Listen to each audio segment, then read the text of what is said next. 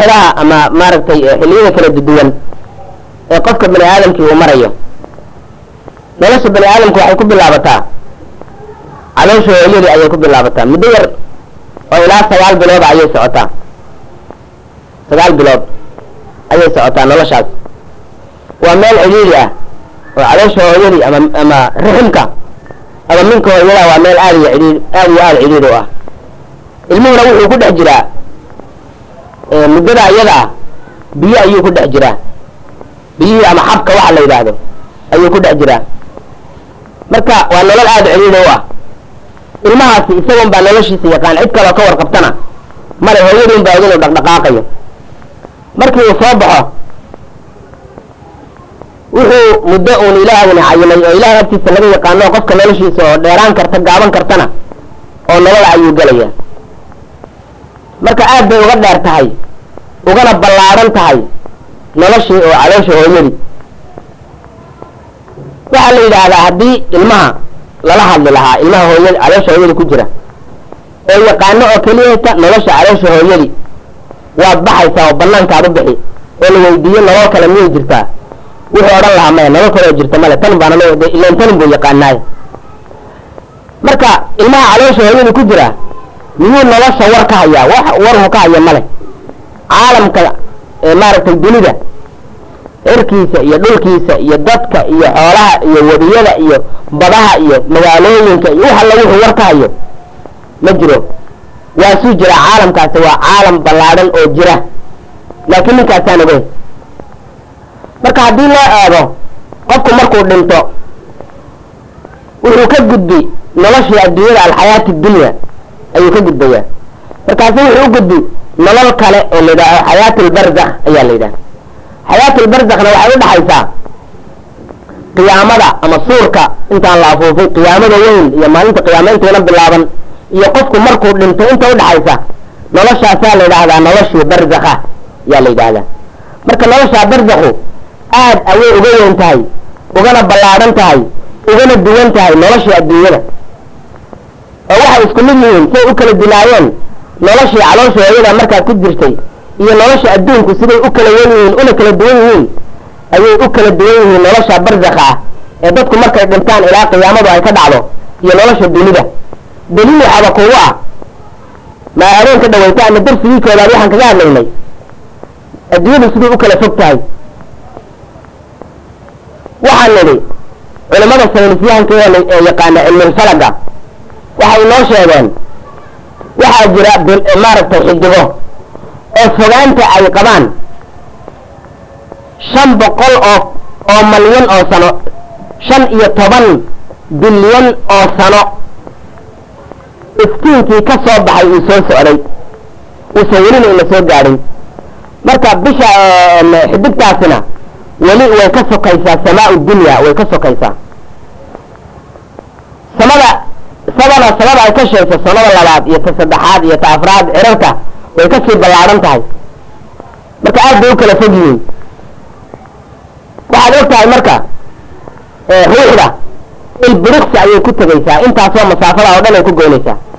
Marka naftu markay u gudubto caalam dunya intay ka gudubto ama nolosha adduunka ay ka gudubto ay u gudubto noloshaa kale ee barzakha la yidhahdo udhaxaysa nolosha adduunyada iyo tii qiyaamada ee aakhiradii dhabta ay ta udhaxaysa aad bay maaragtay naftu uga horad badan tahay nolosheeduna way ka duwan tahay waxaadan arki jirin iyo meel ayna geli jirin naftaadu ayay yay gelaysaa markii. Marka haddana aakhiro marka la tago oo qiyaamadu ay dhacdo oo jannadiya naar loo gudbo waxay aad uga duwan tahay ugana ballaadhan tahay noloshaasi noloshii barzakha. Marka saasay nolosha isu dabdaba soconayaan. Marka barzakha sidaa uga duwan nolosheenna nolosha ina waynu ka nool lahay uga duwan. Dadku waxay ku nool yihiin ama raaxay ku nool yihiin ama cadaab bay ku nool yihiin. Isagoo taas ay ku salaysan tahay noloshii dunida markay noolaayeen habdhaqankoodii hadday ahaayeen dad ilaahay ka cabsada iyo haddaynan ahayn niman ilaahay aan ka cabsan ay ahaayeen yani aynan ahayn kuwa ilaahay ka cabsada.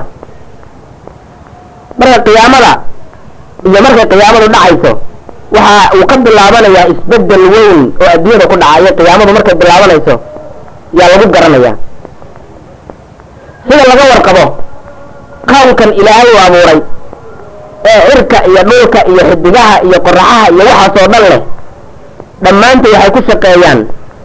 Nidaam ayay ku shaqeeyaan. Qoraxdu maalin walba waktigay soo baxdaa waktina way dhacdaa. Dayixu waa sida oo kale wax waliba nidaamkaasay ku shaqeeyaan baddu iyo biyaheedu halkaasay iska fadhiyaan weliyadu halkaasay fadhiyaan dhirtu tantado weeye dhulku marka wax walba nidaam bay leeyihiin marka qiyaamada markay bilaabanayso nidaamkii ayaa isbedeli nidaamkii uu cirku ama kownku ku shaqaynayay ayaa isbedelaya waxyaabo waaweyn oo laga argagaxo ayaa dhacaya. Allah subxaana wa tacaala aayado aada u fara badan oo kitaabkiisa qur'aanka ah ka mid a ayuu kaga sheekeeyey waxyaabaha waaweyn ee maalinta ayadaa dhacaya ayuu kaga sheekeeyey waxyaabuhu inoo sheegay waxaa ka mid a in uu jiro waxa la yidhaaho suur wuxuuna ku bilowdaa suur baa la afuufayaa suurku waxa weeye waa bahal sida geeska oo kale. Bahalka la afuufo ee la yidhaahdo carooga ama geeska ama buunka intaba soomaalidu yidhaahdaan. Oo kale weeyaan oo weynankiisa ilaahay uu noog yahay subxaana wa tacaala waxaa loo dhiiba waahaya malag malagyadiisa ka mid oo la yidhaahdo israafiil. Marka allah subxaana wa tacaala wuxuu amrayaa israafiil inuu afuufo. Markuu afuufo maxaa dhacaya? Aynu bal aragno aaya aayaad ka mida kitaabka ilaahay uu kaga sheekaynaya bal waxyaabaha dhacaya. Wuxuu yidhi alle faidaa nufika fi suuri nafkatun waaxida waxumilat alardu waaljibaalu fadukkataa dakkatan waaxida fayowmaidin waqacat alwaaqica waاnshaqat الsamaau fahiya yowmaidin waahiya wاlmalaku calى arjaa'iha wayaxmilu carsha rabbika fawqahum yowmaidin tamaaniya yowmaidin tucraduuna laa takfaa minkum khaafiya waa aayaad ka mida kitaabka ilaahay oo suurat alxaaqa wuxuu yidhi allah subxaana wa tacaala haddii buunka qiyaamada haddii la yeedhiyo oo hal mar la afuufo maxaa dhacaya. Waxumilat alardu waaljibaalu dhulkii iyo buurihii oo dhan ayaa kacaya buuraha adduunyada maanta ku yaalaayey aad iyo aad bay u farayan yay u fara badan yihiin una xoog badan yihiin oo caalamka buuraha ku yaalla ma malayn karaysid. America aasiya oroba africa etoobiyada aad meel kale aadin buuraha ku yaalla intay laaleegihiin ilaahin baa og iyo dhaadheerkooda iyo buurahaasoo dhan waa la qaadi. Markaasaa la burburinayaa marka dhulka waa la sini allah subxaana wa tacaala aayad kale wuxuu ku leeyahay wayas'aluunaka can iljibaali faqul yansifuhaa rabbii nasfa fayadaruhaa qaacan safsafan laa taraa fiiha ciwajan walaa amta.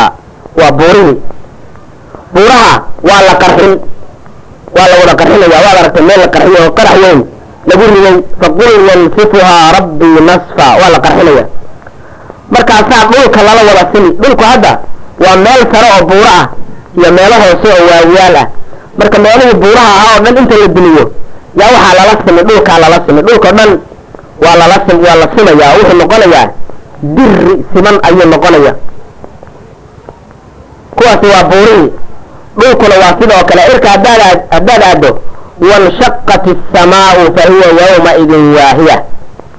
Dhul cirkiina wakaasoo haddaad kor u eegto waa waxaa quruxda badan ee buluuggeensula haysta. Wuu wada dildillaacayaa cirkii wuu wada dildillaaci marka saasay ku bilaabanaysaa nidaamkii kownka nidaamkii dunida iswada haystay ayaa burburaya wuu wada daadanayaa sidii tusbax la furay iyo mid waliba meel ku dhacaya aayad kale alla wuxuu ku leeyahay ida asamaau infatarat. Qoraxdu idaa waktigii assamaau cirku infatarat ay kala dildillaacdo sidii muraayid najariya oo kale ay u dildillaacdo ko wa ida alkawaakib intasarat maxaa ku dhacaya xidigihiina xidigihiina way soo wada daadan sidii soo wada daatay oo kale ayay xidigihiina wada daadanayaan wa ida albixaaru fujirat. Badihii waaweynaana maxaa ku dhici? Waa la qarxinayaa badihii waa la qarxin qarax weyn oo dab iyo hola aan weligii kan oo kale la arkin. Oo xataa aan hayn atomic damkii oo kale ka sii xoog badan ayaa dhacaya oo qarax weyn baa dhacaya. Culamada sayniska waxay leeyihiin qaraxaasi wuxuu la mid yahay biyaha sida laga warqabo biyaha. Sida la og yahay waxay ka kooban yihiin laba curiye midna waxaa la yidhahdaa oxygen baa la yidhaha midna hydrogen baa la yidhaha. Labadoodii marka la isu geeyo ayay biyo sameeyaan. Labadooda haddii la kala saaro oo hydrogenkii iyo oxygenkii loo kala saaro labadooduba waxaa way gubanayaan. Dabka ugu weyn ayaana ka dhalanaya. Marka labadoodiibaa la kala saari saasay culamada qaarkood leeyihiin. Markaasaa dunidii oo dhan baa gubanaysa. Dabdii oo dhan baa huri qaar kalena waxay leeyihiin maya dab intaa ka sii weyn baaba yaaba dhacaya oo arrintu ma aha oo keliyata hydrogenki iyo oxygenki oo la kala saaray oo halkaa dab uu ka dhashay oo keliyata maaha qaraxu intaa uu ka sii weyn yahay waxaa laga warqabaa badaha hydrogenka ku jira. Laba waxaa ku jira atomic wata oo sida deuterium iyo tritium laba la yidhaah oo kale. Marka labadaas yaa waxaa la waa la qarxinaya waa sidii atomigii marka waa hydrogen bombka meeshii laga sameeyey waa hydrogen bomb ama maxaan ku alqumbula alhydrogeniya ayaa meesha laga qarxinaya marka qaraxa adduunka o dhan wada saameeya oo meel walba guda ayaa ka dhacaya. Wa ida alqubuuru bucsirat markaasaa xabaalihiina waa la soo faagi oo dadkii dhintay weligood ee dhulka ka mid noqday dhulku liqay ayaa soo wada baxaya. Taasaa ka mida waxyaabaha ay ku bilaabanayso taasaa ka mid a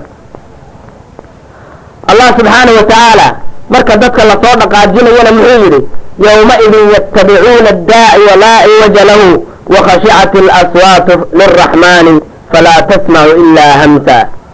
Markii buurahaasaa loo dhaqaajiyo waxa weeyaan waxaa dhawaaqaya malagiibaa dhawaaqi. Markaa ninkaa dhawaaqayaa la raacayaa yowmaidin yattabicuuna addaaciya ninkaa dadka u yeedhaya ayay raacayaan dadkii. Laa ciwaja lahu mid ka leexanayana ma jiro oo amarkaa khilaafaya. Mid ka leexanaya. Ma jiro wakhashicat alaswaatu lilraxmaani falaa tasmacu ilaa hamsa. Marka cid buuqi karatana ama hadhadli ma leh kulli waa la wada khushuucsan yahay kulli waa la wada ogan nin waliba wuu cabsanayaa allah subxaanahu wa tacaala wuxuu yidhi oo kale yowma tarjifu alardu waaljibaalu wa kaanat aljibaalu kasiiban mahiila. Maalinta qiyaamada waxaa gilgilanaya dhulka iyo buurihii buuruhuna waxay noqonayaan bacaad shubmaya oo kale ayay noqonayaan. Marka haddaan intaa kaga kaaftoono waxyaabaha waaweyn ee dhacaya maalinta qiyaamada. Axaadiista nabiga calayhi salaatu wasalaam ee ka sheekaynaya maalinta qiyaamadu ay dhacayso noloshu sida ay tahay wuxuu yihi nabigu calayhi salaatu wasalaam cabdullaahi bni camr bn caas saxaabigaa weyn ee la yaqaano radia allahu tacaala canhuma wuxuu rasuulka ka warinayaa inuu yidhi qaala rasuulu llahi sala allahu alayhi wasalam rasuulka ilaahay wuxuu yihi yakhruju dajaalu ninka beenaalaha ee dajaalka la yidhaha dajaal awarkii weeye ayaa soo bixi doona. Dajaal marka wuxuu ka mid yahay calaamaatu saaca. Qiyaamadu maalintay dhacayso waa laynaga qariyey ma garanayno. In badan bay gaaladu weydiiyeen rasuulka calayhi salaatu wasalaam laakiin lama garanayo waa la qariyey. Laa yujalliha liwaqtiha ilaa hu saas ku dhawaa layidhi. Waktigeeda alla maahana cid kale oo garanaya oo soo saaraya waktigeeda daaracday ma jira ku dhawaa layidhi. Su'aalihii ugu badnaa ay gaaladu rasuulka calayhi salaatu wasalaam ay weydiinayeen bay hase yeeshee loogama jawaabin xataa rasuulka looma sheegin. Maalinta ay qiyaamadu dhacayso. Laakiin waxay leedahay calaamooyin lagu gartay leedahay. Marka calaamooyinku waxay u qaybsamaan laba calaamooyin yar yara iyo calaamooyin waaweyn calaamooyinka yararka ah dhammaantood way dhammaadeen. Kulli waa la wada arkay calaamooyinka yararka ahaa waxaa hadhay in kuwii waaweynaa kuwa waaweyn waxaa ka mid a. Calaamadaha waaweyn waxaa ka mid a dajaal oo soo baxa ayaa ka mid a. Ninka la yidhaha dajaal acwar. Soo bixitaankiisa ayaa ka mid a. Calaamadaha waaweyn waxaa ka mid a calaamadaha waaweyn in ilaahay uu soo bixiyo daabad daaba unbuu qur'aanku yidhi. Marka daabadaasoo dadka shaabadaynaysa oo kala sheegaysa qofka mu'minka ah iyo qofka munaafiqa iyo gaalka ayay kala sheegi. Qofkii iimaanlihiyo qofkaan lahayn ayay kala sheegaysaa. Marka way badan yihiin calaamadaha waaweyn. Waxaana ugu dambaysa calaamadaha waaweyn inay qoraxdu ka soo baxdo meeshay u dhici jirtay. Markii barigay qoraxdu ka soo baxdaa inay qoraxdu ka soo baxdo galbeed waana marka toobada la xidhayo. Marka xadiidkan dheer oo nabigeena calayhi salaatu wasalaam uu kaga sheekeynayo dajaal iyo markii ay qiyaamadu dhacayso wuxuu yidhi yakhruju dajaalu fii ummati. Ninka dajaal cawar la yidhaaho wuxuu ka soo bixi doonaa ummadayda markaasaa wuxuu joogi doonaa dhulka afartan. Marka ninkii xadiidka werinayaabaa wuxuu yidhi ma ogi ma afartankaasi waxay yihiin. Ma afartan maalmoodba ma afartan biloodba ma afartan sanaa miday tahay waan garan waaye marka ay afartankaasi dhammaato. Fayabcatu allahu ciisa bna maryam. Ilaahay wuxuu soo bixin doonaa wuu soo dejin ciisa bna maryam. Ilaan sida la ogyahay oo dadka muslimiinta ah ay rumaysan yihiin ciise ma dhimanin gaaladuna ma dilin. Wamaa qataluuhu wamaa salabuuhu walaakin shubbiha lahum waa isaga alla u leehay subxaana wa tacaala nimankii reer bani israa'iil ee gaalada ahaa iyo nimankii kale ee maaragtay talyaaniga ahaa ama romaankii rabay inay dilaan nabiyullaahi m ciisa ma aynan dilin. Nin u eg oo loo ekeysiye inay dileen. Marka sida run ahaantiina nabiyullaahi ciisa wuxuu joogaa samada labaad buu joogaa hadda. Wuu ku nool yahay. Wuuna nool yahay waa kii nabigeena calayhi salaatu wasalaam habeenkii laylat alisraa walmicraaj uu kula kulmay. Marka ilaahay wuxuu soo dejinayaa nabiyullaahi ciisuu soo dejin. Wuxuuna u ogyahay yuri nabiga calayhi salaatu wasalaam nin la idhaaho curwat ibni mascuud ayuu ogyahay wuxuu raadsanayaa meel alla meeshii lagu sheego dajaal ayuu raadsanayaa markaasuu dili. Marka nabiyullaahi ciisa markuu dajaal dilo wuxuu dhulka joogayaa toddoba sano oo keliyeed. Toddoba sano oo keliya ayuu noolaan. Toddobadaas sano marka cadaalad aan weligeed la arkin ayaa soo noqonaysa. Waxaa la gaadhayaa in xataa laba qof oo colaad isu haysaa aynan jirin. Markaasuu allah subxaana wa tacaala wuxuu soo dirayaa dabayl buu soo diri dabayl qabow. Dabayshaas oo ka soo baxaysa dhinacaas shaam magaalada dimishaq agaada ayay ka soo bixi. Markaasaa qof alla qofkii qalbigiisa uu ku jiro wax darro ama atam la-eg oo iimaana ayay qalbigiisa geli markaasay dili qofkaasi meel kasta hataa hadduu galo wuxu uhi nabigeenu calayhi salaatu wasalaam xataa low ana axadakum dakala fii jabali kabidin fii kabidi jabalin la dakhalathu calayhi hadduu qof ku dhuunto buur inuu beerkeeda galo uu ku dhuunto way uga daba tegi ilaa ay ka disho marka wuxuu yihi ninkii xadiidka rasuulka ka warinaya ahaa ee cabdullaahi bni camr anaa ka maqlay buu yihi rasuulka ilaahi isagoo leh fayabqaa shiraaru nnaasi fii khifati tayri wa axlaami sibaac markaasaa waxaa hadhaya markii dadkii mu'miniinta oo dhan ay geeriyoodaan dadka inta ugu sharta badan baa hadhi mu'miniintii waa la waayey waxa soo hadhaysa intii dadka ugu sharta badnayd. Kuwaas maxaa lagu garanayaa wuli nabiga calayhi salaatu wasalaam laa yacrifuuna macruufan walaa yunkiruuna munkara. Wax wanaagana isma faraan wax xumaana iskama reebaan. Saasaa lagu yaqaanaa kuwaas shiraaru nnaasi eeo kuwa dadka ugu liita ee ugu sharta badan ee ugu xun ee qiyaamadu ay ku dhici doonto kuwaasuu rasuulka calayhi salaatu wasalaam yuu ku tilmaamay marka fayatamasalu lahum shaytaanu markaasaa waxaa shaytaan ama ibliis ayaa u iman doona. Markaasa wuxuu ku leeyahay alaa tastajiibuuna? War miydaan maqlaynin waa laydin yeedhayaaye fayaquuluuna waxay odhanayaan famaa ta'murunaa? Waanu maqlaynaa wixiina la yidhaahdee maxaa na fari markaasaa wuxuu farayaa inay sanamyada caabudaan iyo qoryaha. Marka iyaga oo sidaas ah oo caabudaya sanamyadii. Yaa la afuufayaa suurkii.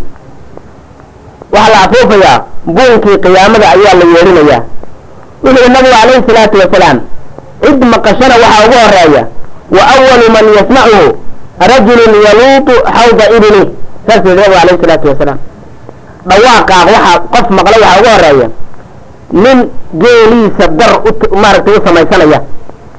Waa la garanaya soomaalida ka horeemiyi geela marka la waraabinayo intaan qabaalada iyo hadda la samaynin bahal dar laydaadaa loo samayn jiray. Marka oo biyaha loogu shubo oo dhoobi iyo waxsaas ka samaysan. Marka nin dar geeliisa u samaysanaya yaa qof maqlo ugu horreeya fa yascaqu wa yascaqu annaasu markaasaa dadkii oo idin yaa wada suuxaya oo dhimanaya. Dadkii oo dhan ayaa wada suuxaya oo dhimanaya. Marka xadiidku uu sii dheeriyaaye. Sidaasay qiyaamadu yay ku bilaabanaysaa. Allah subxaanahu wa tacaala isagoo ka sheekeynaya kitaabkiisa qur'aankaa kaga sheekeynaya marka suurka la afuufayo sida ay waxyiin wuxuu yihi wanufika fi suuri. Fasa'iqa man fi samaawaati waman fi lardi ilaa man shaa allah. Waxaa la afuufayaa oo la yeelinayaa boonkii markaasaa waxaa suuxaya oo dhimanaya wax alla waxa ku sugan cirka iyo wax makhluuqaadkii cirka joogay oo dhan malaa'ig iyo cid kasta haato iyo wax alla wixii dhulka ku nooloo idilna way wada suuxayaana way dhimanayaan ilaa man shaa allahu. Cidduu ilaahay doono maahane. Cidduu ilaahay doono maahane.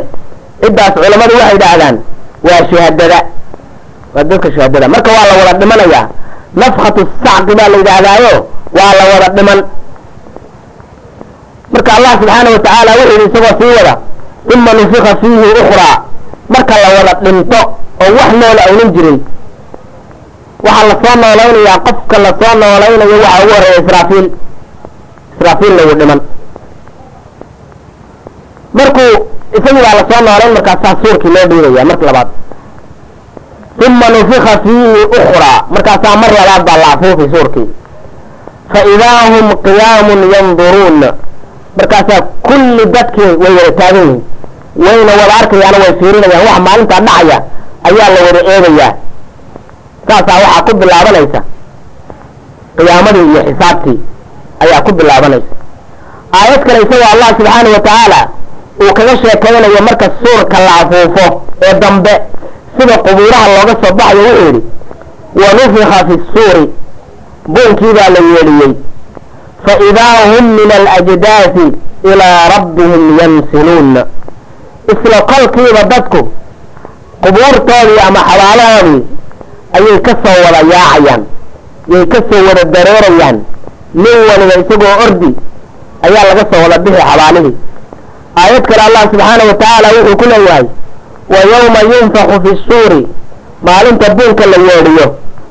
Fafazica man fi samaawaati waman fi lardi oo uu argagaxayo wax alla waxa ku nool cirka iyo dhulka ilaa man shaaa allahu cidduu ilaahay doono maahane wa kullun atowhu daakhiriinne cid walibana waxay imanaysaa iyada oo maalintaas hoganaysa isagoo oganaya oo kibir iyo isla weyneyn midna aynan jirin iyo amar diido iyo cinaad iyo madax adkaan midna aynan jirin baa la wada imanayaa maalinta iyada marka nabigeena calayhi salaatu wasalaam wuxuu inoo sheegay labada nafko nafkatu sacqiga ta lagu suuxayo ee lagu dhimanayo iyo midda lagu soo baxayo ee nafkatulbacsiga la yidhahdo lagu soo quburaha looga soo bixi. Waxaa udhaxaysa muddo afartan maalmooda. Ayaa udhaxaysa afartan ama maalmo ama bilo tanna lama sheegin. Afartan baa udhaxaynaysa marka meeshaa waxaa ka soo baxaysa suurka saddex goor baa la afuufi ama saddex nafka ayaa la yidhahdaa buunka saddex jeer baa la yeedhin midda koobaad waxaa la yidhahdaa nafkatulfazac waa midii dadka lagu argagixinayey waa cabsi. Waa la sii kordhinayaa codka intii laga sii badinayaa waa la wada dhiman. Waxaa la yidhahdaa nafkatu sacqi. Marka la dhinto muddo afartan ah ma afartan maalmoodba ma afartan sana ah sanooyinku ma kuweena ma ka dheer yihiin in ilaahay ogyahay markii la joogo yaa mar kale la afuufi markaasaa la soo wada kici abu hureyra wuxuu yidhi xadiis bukhaari iyo muslim ay ay wada wariyeen. Rasuulkaa wuxuu yidhi buu yidhi maa bayna nafkhatayni labada la afuufay suurka ee markii la dhintay iyo marka la soo bixi la soo bixinayo waxaa udhaxaysa arbacuuna afartan baa udhaxaysa markaasaa waxaa la yidhi yaa abaa hurayra arbacuuna yawman ma afartan maalmood ba markaa wuxuu yidhi abaytu waan diiday. Ma garanayo micnihi ma afartan wixii ma aqaan. Ma garanayo uma yunzil allahu min asamaa'i maa'an. Afartan markii saas loo wada dhinto oo wax nool aynan jirin ilaahay maahane subxaanahu wa tacaala waa meesha aayaddu ay leedahay kullu shayin haalikun ilaa wajha. Wax waliba way halaagsameen. Alla maahane ilaahay maahane cid nool oo dunida ku noolin ma jirto. Koonka oo dhan keligii baa ku nool. Keligii baa ku nool kullu shayin haalikun ilaa wajha. Waa labada nafka inta udhaxaysa uma yunzil allahu min asamaa'i maa'an. Markaasaa biyaa la furi biyo. Biyahaas fayanbutuuna kamaa yanbutu lbaqlu markaasaa loo soo wada biqlayaa ama loo soo wada bixi la soo fiidi oo la soo dhalan sida abuurka marka biyaha maaragtay lagu shubo roob gudao dhulka sida looga soo baxo ama looga soo foodhaco yaa loo soo foodhaci ama loo soo bikli oo loo soo bixi oo loo soo dhalan. Marka meesha laga soo dhalanayo ee abuurkiihina wuxuu inoo sheegay nabigeena calayhi salaatu wasalaam xadiis saxiixa oy tahay inaan noolaano meel yar baa qof walba ka hadhi. Cid diidi karta male rasuulkiinaa sheegay.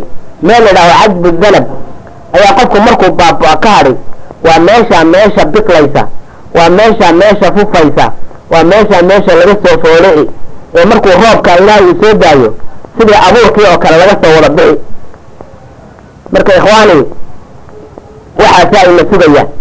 Qof kastaba waa la hubaa inuu intaas soo marayo.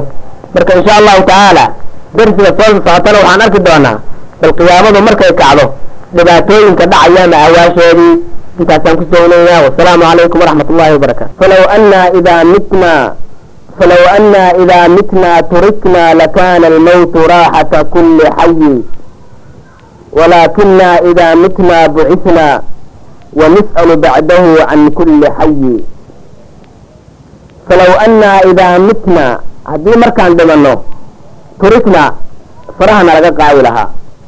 Oo aan iska baabi'i lahayn oon ciid noqon lahayn oon dib laynoo soo bixiyeen lakaana almawtu raaxata kulli xayi geeridu waxay ahaan lahayd raaxada iyo nasashada mid kasta oo nool. Walaakinaa idaa mitnaa bucisnaa hase ahaatee markaan dhimanno waa la ina soo noolaynayaa wa nis'alu bacdahu can kulli shayi markaasaa wax kasta oon samaynayna la ina weydiinayaa ikhwaani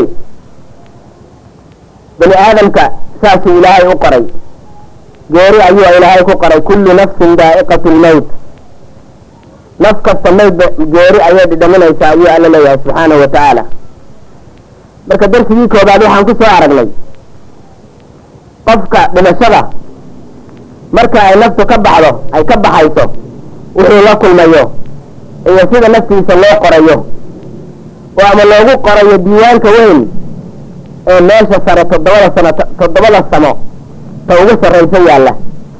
Ama in loo soo tuurayo toddobada dhul midda ugu hoosaysa iyo meesha ugu ciidhisan maantana waxaan arki doonaa suwarun min cadaabi lbarzakh qaybo ka mid a ama noocyo ka mid a cadaabka uu qofku qabriga lagu cadaabayo nabigeena calayhi salaatu wasalaam waxaa laga wariyey xadiid saxiixa waxaa rasuulkana looga wariyey. Oo uu ka wariyey saxaabiga la yidhaaho samurata ibnu jundub radia allahu tacaala canhu wuxuu yidhi kaana rasuulu llahi sala allahu alayhi wasalama mima yuksiru an yaquula liasxaabih rasuulka calayhi salaatu wasalaam wuxuu in badan weydiin jiray asxaabtiisa. Su'aashatan oo maxay ahayd su'aashani? Hal ra'aa axadun minkum min ru'ya?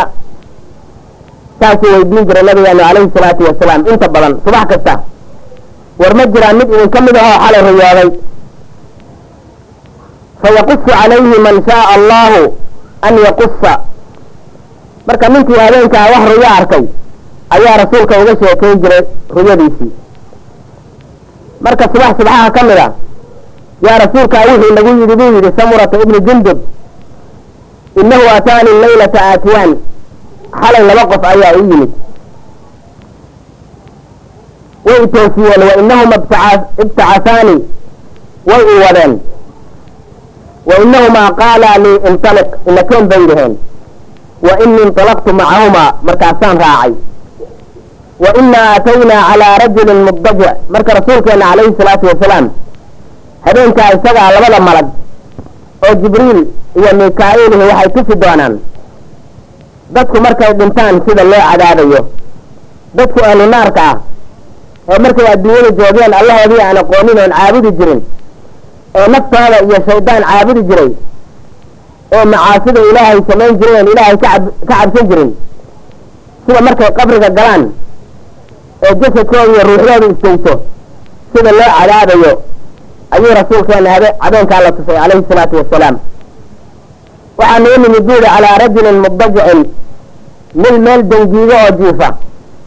Ayaanu ku soo baxnay buuri calayhi salaatu wasalaam rasuulkeenu wa idaa aakharu qaa'imun calayhi bisakra nin kalena dhardhaar weyn ama dhagax weyn ayuu la kor taagan yahay idaa huwa yahwi bisakrati lira'sihi fayasliju ra'suh markaasuu ku sii daynayaa dhagaxii weynaa ama dhardhaarkii markaasuu dhagaxu wuxuu noqonayaa daqiiqimaha wuu burburayaa dhagaxii marka dhagaxii ayaa wilaan wilmi. Fayatahadhadu alxajar fayatadahdahu alxajaru haahunaa dhagaxiibaa markuu ninkii madaxa ku dhuftuu madaxa ka burburiyo. Ayuu dhagaxiibaa wilaan wilmi fayatabicu arajulu fayaakuduh ninkii ninka dangiiga dul taagnaa ayaa dhagaxii soo qaadanaya falaa yarjicu ilayhi xataa yasixa ra'suhu kamaa kaan markuu dhagaxii soo qaatay isu soo dul taago madaxii burburay ee daqiiqimaha noqday haddana halkiisiibuu ku soo noqonayaa wuu bogsaday waxa la wixii xanuun ahaa lahoray ayuu u qabaa mar kastaba si uu xanuunkii maaragtay u dhadhamiyo usan u dhimanin ilan geeri kale ma jirto madaxii oo isqabsaday buu imanayaa markaasuu haddana burburin. Uma yacuudu calayhi fayafcalu bihi midla maa facala almarata aluulaa markaasuu wuxuu ku samaynayaa wuxuu ku sameeyey markii hore oo kale oo dhagaxiibuu haddana madaxa kaga sii daynayaa. Markaasuu dhagaxii daqiiqimaha ka dhigayaa sidaasuu weligiiba ku wadayaa marka waxaa ka mid a dadka qabriga lagu adaa cadaabayo waxaa ka mid a dadka sidaa loo cadaabayo oo dhagaxa weyn kolba madaxa looga sii daynayo bal adigu hadda waxaad u fiirsataa adiga sidaa lagu gelayo meel laami ama diriya inta lagu dhigtay dhagax weyn oo la qaadi karayin xoog badani uu kolba madaxa kaa burburinayo. Markaasoo kale dhimashadu waa raaxo. Dhimashadu waa raaxo. Laakiin ninkaasi ma dhimanayo. Si uu rafaadka iyo cadaabka iyo ciqaabka iyo jirabkaasi uu mar walba u dhadhamiyo sidaas ayaa loogu wadayaa. Qaala rasuulkeenu wuxuu yidhi qultu lahumaa labadii qof oo weli waxaan ku idhi subxaana allahi ma haada maxay yihiin kuwani? Qaala waxay dhaheen intaliq intaliq inakeen inakeen faintalaqnaa meeshii baanu ka dhaqaaqnay oon ka soconay faataynaa calaa rajulin mustalqin biqafaah waxaanu haddana ku soo baxnay.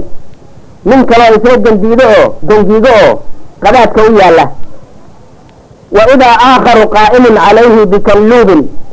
Nin kalena wuxuu la dul taagan yahay bahashan la yidhaaho biinsada ama kalbada oo wax lagu googooyo. Oo bira min xadiidin. Wa idaa huwa yaati axada shidqay wajhi shiqay wajhi fayusharshiru shidqahu ilaa qafaah wa minkharahu ilaa qafaah wa caynahu ilaa qafaah dhinaca intuu iska soo taago iyo wuxuu kalbadii ama biinsadiibu wuxuu ka gelinayaa daanka halkaa canka ah ee afku iskaga laabmo markaasuu jooxayaa waxaad ogaataa marka ninka sidaa loo jooxina mid la suuxiyey ama la kabaabiyeeyey midna ma wuu soo jeedaa oo xanuunkii si buuxda ayuu u dareemayaa. Markaasuu jooxdintiibu wuxuu ku geynayaa halkaa qadaadka ah. Haddana wuxuu ka gelinayaa sanka dulkiisa ayuu gelinayaa wuu jooxayaa ilaa qadaadka haddana isha ayuu ka gelinayaa halkaa ilyarta ah ayuu ka gelinayaa markaasuu dhinaca kale u jooxi. Markuu saa u jooxiyo ninkii saa loo cadaabo u ciqaabmo yuu dhinaca kale ka soo wareegi dhinacii kale ayuu ayuu haddana sidii oo kale ku samaynayaa. Markuu haddana soo laabto wuxuu u imanayaa dhinacii hore oo bogsaday. Markaasu wuxuu haddana ku samaynayaa sidii oo kale. Marka weligii yaalihii sidaa unbuu ku wadayaa. Mar kastaba noloshiisa oo dhan inta qabriga lagu jiro kumayaal sanmana ha ahaatee ila nolosha barzakha ah aad bay u dheer tahay. Aad iyo aad bay u dheer tahay. Malaayiin sano inay gaadho. Ayaa suurayda. Marka intaasoo irsaasaa loo ciqaabaya oo loo cadaabaya oo mar keliyata ma nasanayo. Marka dadkii dhintay haddii la moodayo inay iska nasteen ay raaxaysanayaan sidaa maaha. Ninkii markuu noolaa aan allihiis aqoonsanin oon allihii caabudin oon iska ilaalinin dembiyada ilaahay subxaana watacaala beertiisa aan isu gelin waxyaalihii ilaahay xaaraantinimeeyey aan maaragtay iska ilaalinin sidaa un baa loo gelaya marka waxaan idinku yidhi qultu subxaana allah maa haadaani kuwanina maxay yihiin ninkan sidan kale loo jarjarayo ee la qalayo isaga oo soo jeedo oo la suuxin ama aan la kabaabiyenina muxuu yahay? Qaala waxay dhaheen intaliq inakeen faintalaqnaa waanu baxnay faataynaa calaa mithli tannuuri. Haddana waxaanu ku soo baxnay meesha tannaarka la yidhaaho oo kale. Tannaarka waxa weeye waa meesha muufada lagu dubo. Marka waxaanu kolkaanu ku soo dhawaanay waxaanu maqalay buu ihi fa idaa fiihi lagatun wa aswaatun markaasaa hugun iyo buuq iyo qaylo iyo oohin ayaanu ka maqalay. Qaala rasuulku wuxuu yidhi faطalacnaa fiihi. Markaasaanu qooraansanay fa idaa fiihi rijaalun wanisaatun curaah. Markaa waxaanu ku aragnay oo ku jiray rag iyo dumar qaawan. Wa idaa hum yaatiihim lahbun min asfala minhum. Waxaana soo gaadhaya oo u soo gelaya hola ama olol ayaa u soo gelaya fa idaa aataahum dalika lahbu dawdawu markii uu soo gaadho uu u yimaado uu godo holacaasi ama ololkaasi markaasay cabaadaan oy buuqaan oy qayliyaan qultu lahuma waxaan labadoodu ku yidhi rasuulku sala allahu calayhi wasalam maa haaulaa'i kuwaasina maxay yihiin? Bal u fiirsa adigoo god uu lagugu shubay. Meel aadan ka bixi karayn oo meeshii tanaarka oo kale ah oo meeshii moofo laga dubayey adiga lagu dubayo bal ka waran ood weligaa halkaa ku jirayso marka dadkii dhintay ee iyagoon ilaahay caabudi jirin iyagoon ilaahay ka cabsan jirin iyagoo ilaahay caasi jiray dhinta ee zinaysan jiray waan arki doonaa qolo walba dembiga ay gasho. Sidaasun baa loo gelayaa. Marka waxaan ku yidhi bidhi ma haaulaa'i kuwanina maxay yihiin? Qaala lii haydeen intaliq intaliq inakeen qaala rasuulku wuxuu yidhi faintalaqnaa waanu tagnay.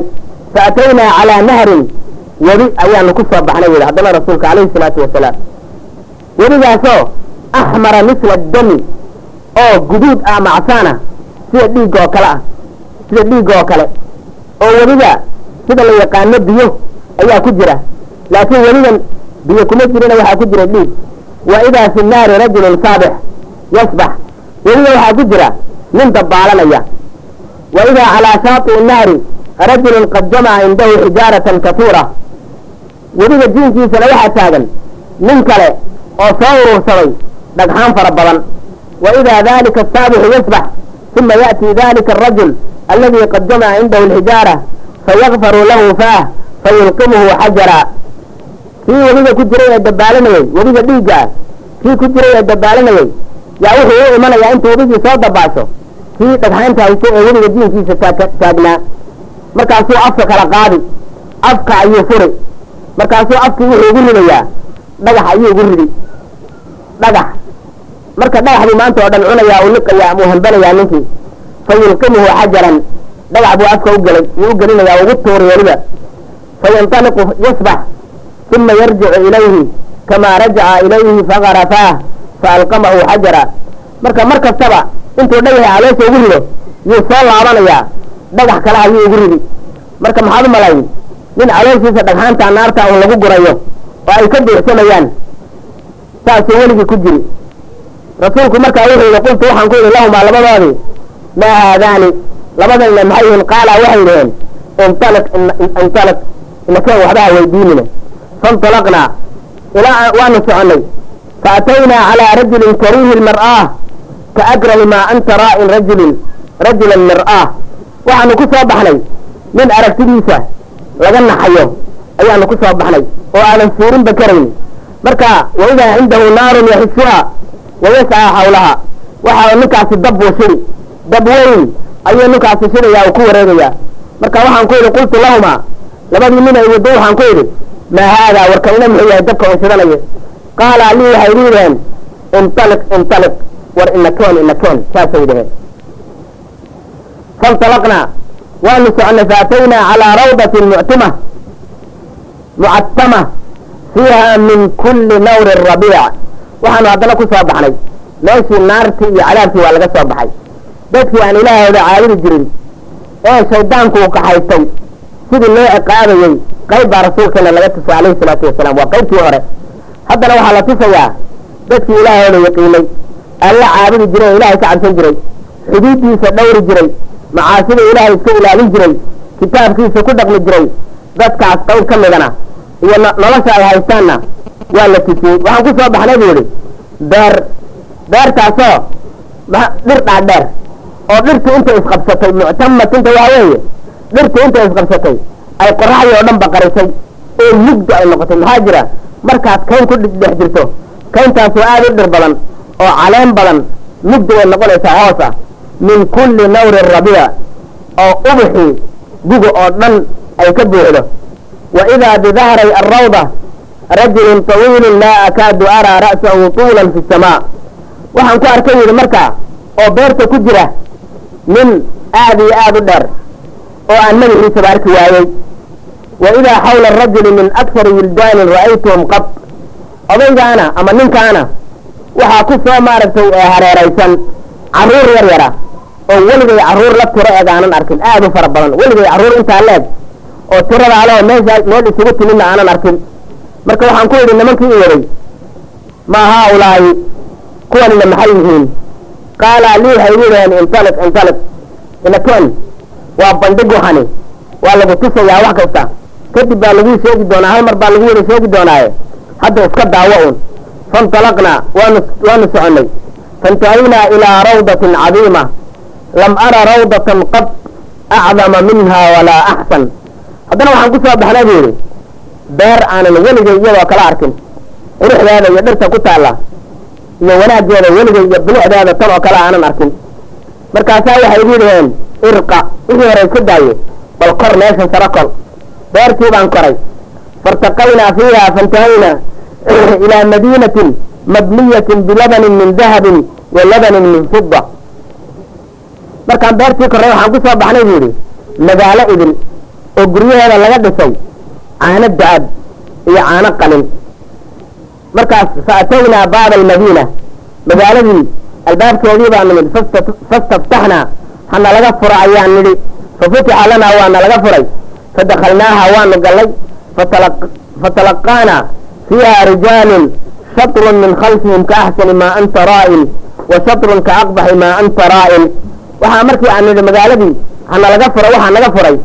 Waana laga furay markaasaa waxaanu ku aragnay rag baanu ku aragnay. Raggaasoo niskood uu yahay adduunyada waxaad aragta waxa ugu quruxda badan. Qaybta kale ama niska kalena weligaaba wax ka foolxun aadan arkin iyadoo kale aadan weligaa arkin. Marka waxaan haddana ku nidhi waxaa lagu yidhi labadii nin aniga ila socotay baa waxay ku yidhaheen kuwii idhabuu faqacuu fii dalika annahri. Orda oo weligaa gala marka weli meesha socday oo biyihiisina ay cad yihiin ayay galeen. Fadahabuu fawaqacuu fiihi weligii bay ku daateen. Uma rajacuu ilayna qad dahaba dalika asuu canhum. Nimankii waxay noo soo noqdeen oo weligii ka soo baxeen. Isagii uu ka baaba'ay qaybtii foosha xumayd. Fa saaruu fii axsani suura. Markaasaa waxay noqdeen sidii ugu qurux badnayd. Oo intii foosha xumaydna way ka ba'day qaala wuxuu yidhi rasuulka odhanaya calayhi salaatu wasalaam. Qaala lii labadii nin ay waddada waxay igu yidhaheen haadihi jannatu cadnin middaan maaragta aad hadda aad joogto waa jannadii aan laga bixi jirin ee lagu nagaaday ee jannadii ilaahay. Wa haadaa manziluka meelna way tilmaameen waxay dhaheen waa kan gurigaagii. Jannadan oo ilaahay subxaana wa tacaala jannatu cadnina gurigii adigu aad ku lahayna waa kan. Qaala rasuulku wuxuu yidhi fasamaa basarii sucdaa marka indhaha ayaan sare u qaaday kor ayaan milicsaday. Fa idaa qasrun misla arabaaba markaasaa waxaan arkay misla arabaaba daar waxaan arkay ama sar daruurta oo kale aad moodo ba daruur cad. Qaala aligu waxay igu yidhaheen haadaa manziluk. Waa kan gurigaagii aqalkaan adaa iska leh. Qaala rasuulku wuxu qultu lahumaa waxaan ku yidhi baaraka allahu fiikuma darana daraani fa adkulahu ilaahay ha idin barakeeye idhaafa aan gurigeyga iska gale. Markaasaa waxay igu yidhaheen maya hadda ma gelaysid waad ka geli doontaa. Weli waxaa kuu hadhay cimri baa kuu hadhay. Markaasaa waxaan ku yidhi xalay waxaan arkay waxyaabo lala yaabee bal iiga warrama. Waxay igu yidhaheen haddaanu kuu sheegi doonaa. Marka waxay uga soo bilaabeen kow ayay uga soo bilaabeen. Waxay dhaheen ninkii koobaad ee aad aragtay ee dhulka jiifay ee ninka kale uu madaxa ka burburinayo wuxuu ahaa nin ilaahay qur'aanka u baray. Aabihii hooyadii yaa qur'aanka ku daray digsigaa lagu daray qur'aankiibuu bartay. Markaasu wuxuu noqday waxa la yidhaaho kutuba xoor. Kitaabkii intii iska toor iska tuuray iyo wuxuu noqday wax mooryaan oo dadka dhacayo oo salaadaan tukanaynin ayuu noqday oo aan salaad rabin. Waa midka koobaad waa midka isagoo qur'aankii bartay oo qur'aanka la baray kutubihii iska xoray ee ku camalfali oo salaadii ka tegay iyo ka koobaad. Ka madaxa unbaa saas looga burburinaya mar kasta kii kale ee camanka la jeexayey ee midka kale uu kor taagnaayo isagoo nool la qalayey isaga oo aan lana kabuubiyeynin lana suuxinin la qalayey ee weliba madaxa laga qaliyey laga qalayey meelaha ugu xanuunka badan. Dahanka iyo isha iyo sanka kii la jeexjeexayey kaasina muxuu ahaa waa ninka subaxdii gurigiisa ka kallaha waagu markuu baryo ayuu gurigiisa ka kallihi markaasuu been buu suuqa gelin. Beentaa uu safriyey uu suuqa geliyey. Yaa meel kasta kala gaadhaysa marka waa kuwa dacaayadda faafiya. Kuwa dacaayadda faafiyaha odayaasha u badan ee sidaasaa la yidhi ree hebel intaa laga dilay waxaasaa la sameeyey waxaasaanu samaynay ee beenta meel walba faafinaya ummadda isku diraya. Kuwaas maalinta qiyaamo waa kuwa la yidhaaho hadda maanta fadhi ku dirirka e waxa weeyaan kuwaas wejiga ayaa laga qali indhaha iyo sanka iyo camanka laga qali doonaa. Hadday nink haddii iska day waayaan beenta marka kuwa beenta safriya markay dhintaan sidaas ayaa loo cadaabi doonaa. Saasuu nabigeena calayhi salaatu wasalaam ayuu inoogu sheegay.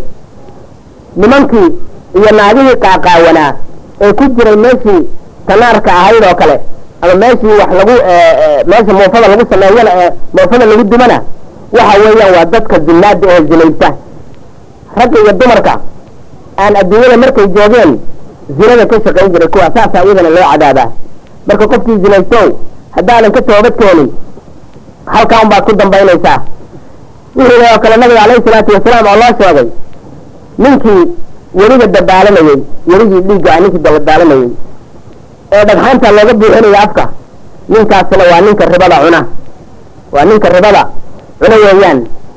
Ribadana waa taqaaniino. Waa dadka bangiyada xoolahooda dadka cuna weeye. Bangiyada bangiga lacagtiisa weeye. Maxaa jira bangiyadu waa ribay ku shaqeeyaan. Oo lacagtoodu waxay ka timid bangiyada siday u badan yihiin. Lacagtooda intay dad amaahayaan yo waxay ka qaadanayaan faa'iido. Islaamkuna wuxuu ugu talagalay dadka inta la amaahayo xoolaha inta baahan inta la amaahayo inay iska keenaan in muddoynta loo qabto iska keeno. Laakiin waan ku amaahinayaa sanadkiibana intaasoo lacaga i kaafooni marka la yidhaahdo waa ribada. Marka kuwa ribada cunana in alla intay qabriga ku jiraan dhagxaanta bay cuni naarta. Marka sidaas yaa nabigeena calayhi salaatu wasalaam loogu wada sifaray waxyaalihii la tuso oo kale. Ninkii dheeraa uu ku arkay jannadana wuxuu ahaa nabiyullaahi ibraahim. Carruurtii ku wareegsanayna waxay ahayd carruurta faqiirta ee iyagoo dhimta iyagoo yar yar oon qaan gaadhin carruurta dhimata. Nabiyullaahi ibraahim ayay la joogaan waalidkoodna way u shafeecayaan. Marka rasuulka waa la weydiiyey waxaa la yidhi yaa rasuul allah wa awlaadu lmushrikiina oo de carruurta muslimiinta maahane kuwa yararka ee ee gaaladana ka waran iyana way la joogaan buu yidhi. Way la joogaan. Dadkii qaybina ay fool xumayd qaybina ay quruxda badnaydna waxay ahaayeen dad isku daray camal wanaagsan iyo camal xun. Niman isku daray oo ilaahay ka cafiyey saasay ahaayeen. Marka akhi fillaah sidaas yaa xadiidkankada oo wariyey bukhaari saxiix bukhaari wariyey. Yaa nabigeena calayhi salaatu wasalaam yaa loo tusiyey. Nabigeena ruyadiisuna waa xaq weeye waxaa kaloo nabigeena calayhi salaatu wasalaam anas ibni malik uu ka wariyey. Anas ibni malik waa khaadimkii nabiga radi allahu tacaala canhu wuxuu yidhi qaala rasuulu llahi sala allahu alayhi wasalam rasuulka ilaahay a wuxuu yidhi lamaa urija bi lamaa caraja bi rabbii caza wajalla marartu biqawmin lahum anfaaru min naxaas yakhmishuuna wujuuhahum wa suduurahum faqultu man haulaai ya jibriil? Qaala haulaai aladiina yaakuluuna luxuuma annaas wayaقacuuna fi acraadihim rawaahu axmed xadiidkaas oo imaam axmed uu warinayo wuxuu yihi nabigeena calayhi salaatu wasalaam habeenkii lay dheelmiyey waa habeenkii alisraa walmicraaj oo markii horena rasuulkeena la geeyey calayhi salaatu wasalaam maka inta laga dheelmiyey baytulmaqdis la geeyey. Baytulmaqdiska hadda ay yuhuuddu iskaba qaadatay ee dhacday loona ogolaaday hadda oo loo sharciyeeyaba halkaana allah subxaanahu watacaala uu ka rasuulkeena uu xilka ka adiyey habeenkaasaa wuxuu arkay rasuulku waxaan ku soo baxay buu yihi qolo dad baan ku soo baxay dadkaasoo waxay leeyihiin cidiyo dhaadheer bay leeyihiin marka cidiyaha dhaadheer maxay ku fali? Cidiyaha dhaadheeri waxa weeyaan waa waa maar oo kale. Aad bay u af badan yihiin waa seef. Marka saasihii maxay ku samaynayaan? Yakmisuuna wujuuhahum wa suduurahum.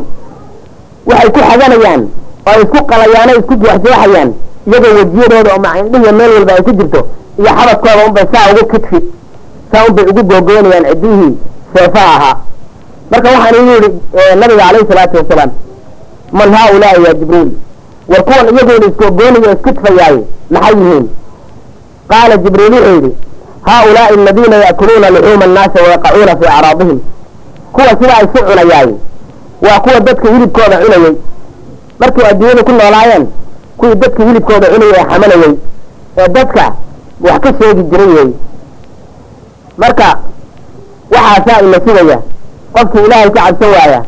Qofkii iska ilaalin waaya. Inuu iska ilaaliyo macaasida ilaahay. Waxyaalihii ilaahay xaaraantinimeeyo qofkii iska ilaalin waaya. Sidaa ayaa sugi. Haddana waxaan ka hadlaynaa. Dadku markay dhintaan ruuxdoodii ama naftii xaggay aaday ila jirkii waan aragnay jirkii waxa weya waan aasaynaa wuu googi oo waa wuu baabi'i oo dhulkii uu ka yimid ayuu ku laabanaya laakiin dadkii ruuxdoodii ama naftoodii ilaa qiyaamada laga gaadho nafta ama la ciqaabayo ama loo maaragtay loo raaxaynayo xaggay joogtaa way kala duwan tahay. Aada iyo aad ayay u kala duwan tahay. Naf raaxaysanaysa iyo qaar la cadaabayo intaasay leeyihiin. Waxaa ka mid a arwaaxda waxaa ka mid a qaar ku jira tanuur ama meesha dheriga moofada ama jikada moofada kuwa ku jira. Waa kuwa aynu hadda soo aragnayoo waa dadka zinaysta adduunyada markay joogeen dadkii ilaahay ka cabsan waayey ee zinaystay ee dadaan isqabinay si tago weeyaane zinada iyo qurunka samaynayey dadkaas noloshoodu ama ruuxdooda waxaa lagu ciqaabaya oo lagu xidhayaa tanuur dab ah jiko moofo ayay ku jiraan. Waxaa kaloo jira dadka ribada cadda ribada cunaan u jeedaaye iyadana ruuxdooda waxay dabaalanaysaa wadi dhiig ah dhagxaan baana raashin u ah marka isku meel ma joogaan ruuxuhu isku meel ma joogaan waxaa ka mid a dadka wanaagsan oo meel wanaagsan ilaahay uu siiyey iyo dad ciqaaban oo adduunyada iyo meel walba lagu ciqaabay ayaa ka mid ah marka taana haddaan halkaa uga gudubno waxaynu u gudbaynaa qaybta ku xigta caalamulbarzakh halkaa ha ku dhammaado. Barzakhi halkaa ha ku dhammaado waa nolosha u dhaxaysa. Marka uu dadku dhinto oo naftu ay ka baxdo ilaa qiyaamadu ay ka ka kacayso oo qiyaamadu ay ka dhacayso inta u dhaxaysa sidaasay dadku yihiin. Waa dad ciqaaban iyo dad raaxaysanaya qabrigan qabrigan wuxu uhi nabiga alayhi salaatu wasalaam waa rawdatun min riyaadi aljanna aw xufratun min xufari nnaar ama waa beer beeraha janno ka mid a ama waa god cadaab bohol laysku cadaabayo wey